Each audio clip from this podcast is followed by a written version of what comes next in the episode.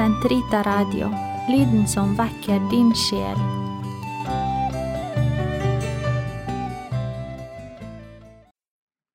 Velkommen tilbake til denne podkasten om tro og vitenskap. En av de mest utbredte fordommene mot kristendommen er at den er fordummende. I at de kristne ikke vil forstå at vitenskapen er den institusjonen som gir oss kunnskap om verden. Gud, hevder man, er en idé, en projisering av et frelseshåp eller en dødsangst og en frykt som preget menneskehetens barndom, og som nå endelig er avløst av en oppklart, nøktern, vitenskapsbasert virkelighetsforståelse, uten de moralske og etiske tvangstrøyer som en irrasjonell religion har trykket ned over hodene på folk. Et av hovedargumentene i disse fordommene er at særlig mange evangeliske kirker avviser evolusjonsteorien og den såkalte Big Bang-teorien, teorien som forklarer artenes opprinnelse og verdensrommets opprinnelse. Selv om vår katolske kirke ikke har noen grunnleggende problemer med disse teoriene, blir vi ofte nærmest dratt med i dragsuget, fordi samfunnets hoderysten over andre kristne samfunn også rammer oss. Men selv om vi i den katolske kirke som sagt ikke har noen grunnleggende problemer med den moderne vitenskap, er det likevel ofte en viss reservasjon å spore, og ikke sjelden en viss uvitenhet. Så jeg tenkte at vi i dag vil beskjeftige oss nettopp med evolusjonsteorien, arvelæren og den såkalte Big Bang-teorien. Evolusjonslæren, eller læren om artenes opprinnelse, går slik vi kjenner den tilbake til 1859 og Charles Darwins bok om artenes opprinnelse. I dette verket beskriver han sin teori om hvordan de ulike artene etter hans syn må ha en felles stamfar. De over generasjonene må ha utviklet seg fra et felles utgangspunkt til de artene de er i dag. Han var usikker på hva som hadde ansporet utviklingen, og han kjente heller ikke til moderne genetikk. Men det han så var uomtvistelig, nemlig at noen arter lignet mer på hverandre, og at de åpenbart dannet familier og slekter ut fra større eller mindre likheter. På samme tid i Bro i Tsjekkia satt en katolsk prest, augustiner korherren Gregor Mendel, og arbeidet i klosterets hage. Han hadde oppdaget at han kunne bestemme plantenes egenskaper i forkant ved å være bevisst på hvilke egenskaper de hadde når han krysset dem. Hans enkleste eksperiment var med erteplanter. Ved å krysse én rød og én hvit plante fikk han i gjennomsnitt en firedel røde planter i avkommet, en firedel hvite og to firedeler rosa planter. Mendel forsto hva han hadde avdekket og beskrev arvelovene hvordan fysiske egenskaper nedarves fra foreldre til avkom. I sin egen levetid skulle han ikke få mye anerkjennelse for sin oppdagelse, og heller ikke Darwin kjente til ham. Først på 1920-tallet skulle moderne forskere se at Mendels arvelover var grunnlaget for en viktig del av Darwins utviklingslære, nemlig genetikken, hvordan en del av evolusjonen skjer gjennom seksuell reproduksjon. Særlig Mendel er en interessant mann for oss, for her møter vi et dypt troende menneske som samtidig arbeider som vitenskapsmann. Han var, i tillegg til å være prest, utdannet matematiker og astronom, foruten botaniker. Darwins og Mendels arbeider skulle få vidtrekkende følger og møte mye motstand blant troende mennesker. Forsto ikke de moderne teoriene om artenes opprinnelse i direkte motstrid til kirkens tro på Guds skaperakt. Før vi drister oss til et svar, må vi introdusere en tredje spiller i dette dramaet, nemlig presten og fysikeren pater George Lemaitre. Han arbeidet med astrofysikk ved universitetet i Løven i Belgia på 1920-tallet, og var sammen med den amerikanske astronomen Edwin Hubble den som utviklet teorien om universets ekspansjon, den såkalte Big Bang-teorien. Lemaitres grunntanke var at siden man ved den såkalte rødlysforskyvningen kan observere at alle galakser og stjerner synes å bevege seg bort fra oss og fra hverandre, må de ha sitt opphav i et felles punkt, i en slags ureksplosjon, Big Bang. Lemaitre var en meget anerkjent fysiker i sin samtid, og pave Pius 11. ønsket å anerkjenne hans teorier ved å skrive et hyrdebrev om skapelsen og vitenskapen. Lemaitre frarådet paven dette på det sterkeste, fordi det ikke var tilrådelig å binde kirken til bestemte vitenskapelige teorier, uansett hvor overbevisende de måtte synes i samtiden. Igjen møter vi et troende menneske, en prest, som arbeider med naturvitenskap, og hans teorier om universets opprinnelse vinner etter hvert en så sterk aksept at vi anerkjenner dem som sanne, også i kirken. Kirken anerkjenner altså at universet meget vel kan ha begynt med en enorm eksplosjon, som så i sin tur satte i gang de prosesser, styrt av naturlovene, som dannet stjerner, planeter, galakser, tåker og alt annet vi finner i universet. Denne erkjennelsen gjør ikke Gud overflødig, for det vi avdekker er Guds skapende akt, nemlig som den som får skapt, altet fra begynnelsen. Den materie som eksploderte i første instans, må nødvendigvis ha oppstått fra noe, og den kan med samme nødvendighet ikke ha oppstått av seg selv ut av det absolutte intet. Her ser vi Guds skaperkraft utfolde seg, og vi ser den virke videre i de naturlover som han la ned i materien, slik at universet kunne dannes til det vi ser i dag. I denne vedvarende skapelsen er det så vi finner liv. Hvordan livet oppsto den første dag, vet vi ikke, og vitenskapen har en rekke teorier.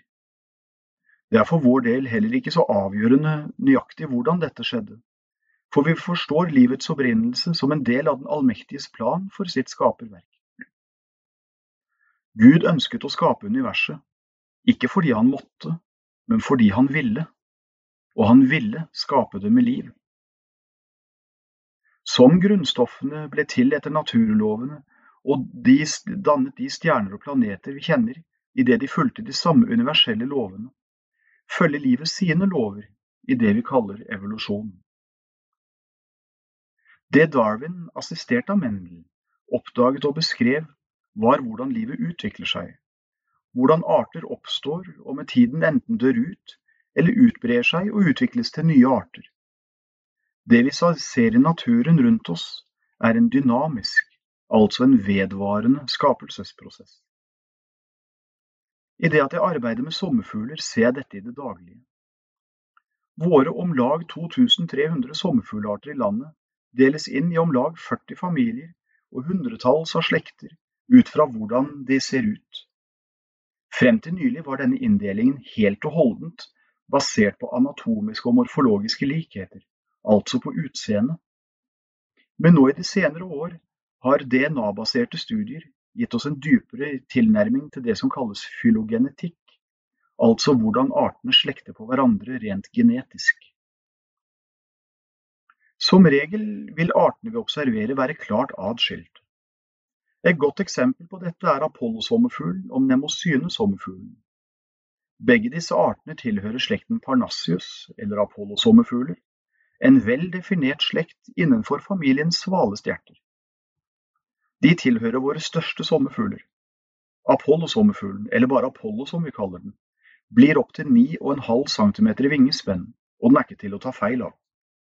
Den er stor, hvit med noen svarte flekker på forvingene, og to store knall røde eller oransjerøde ringer på hver bakvinge. Mnemosyne-sommerfuglen, eller bare mnemosyne, er litt mindre og mangler de røde ringene på bakvingene, som isteden er erstattet av to diffuse, svarte flekker.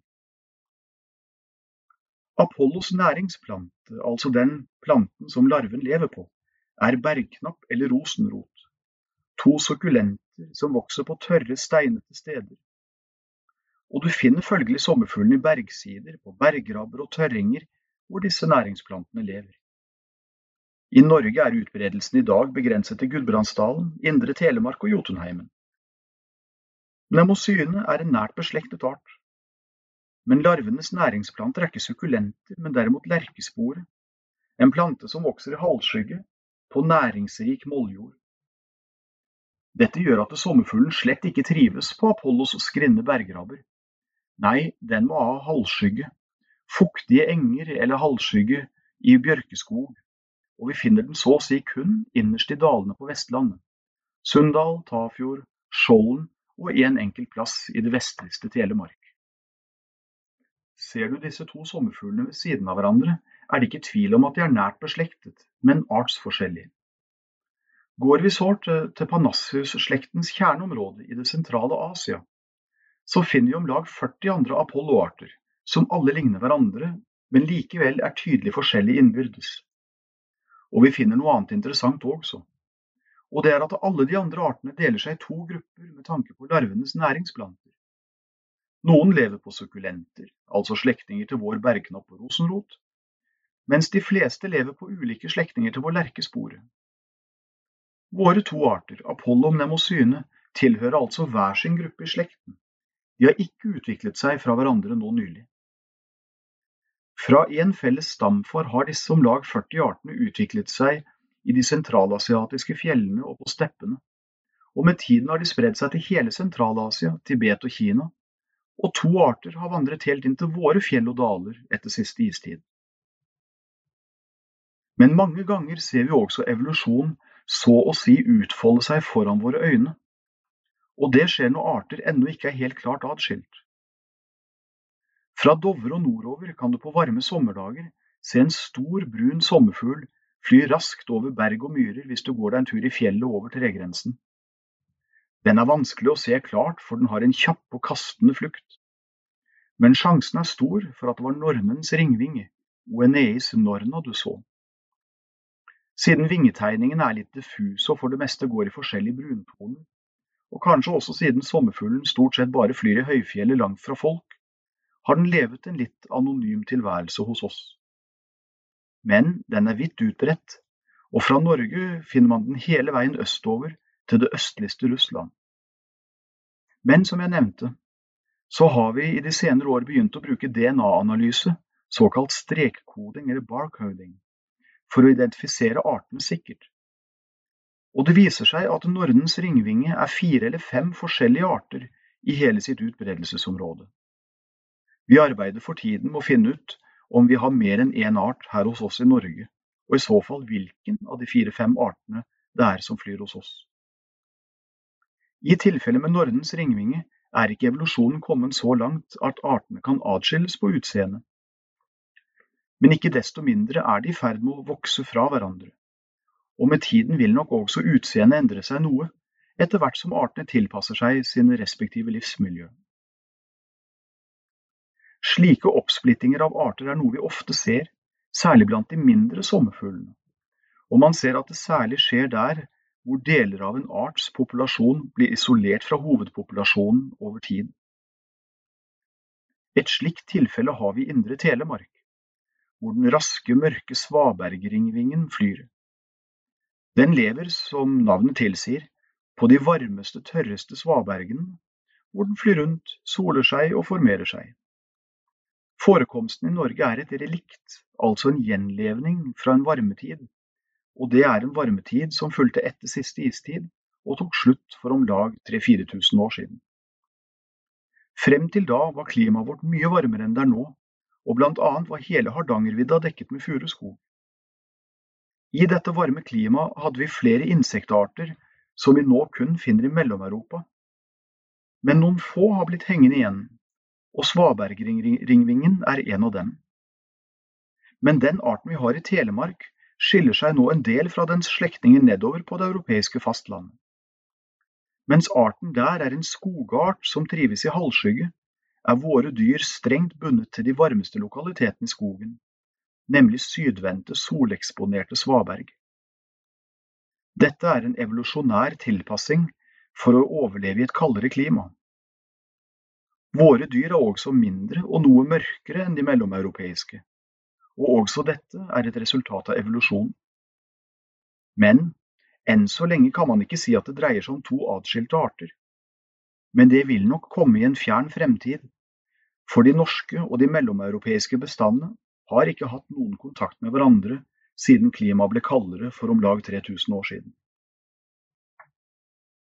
Når vi arbeider med biologi, og i mitt tilfelle sommerfugler, ser vi altså hvordan evolusjonsteoriene er en selvfølgelig og allmenn godtatt forståelsesmodell for arbeidet vårt.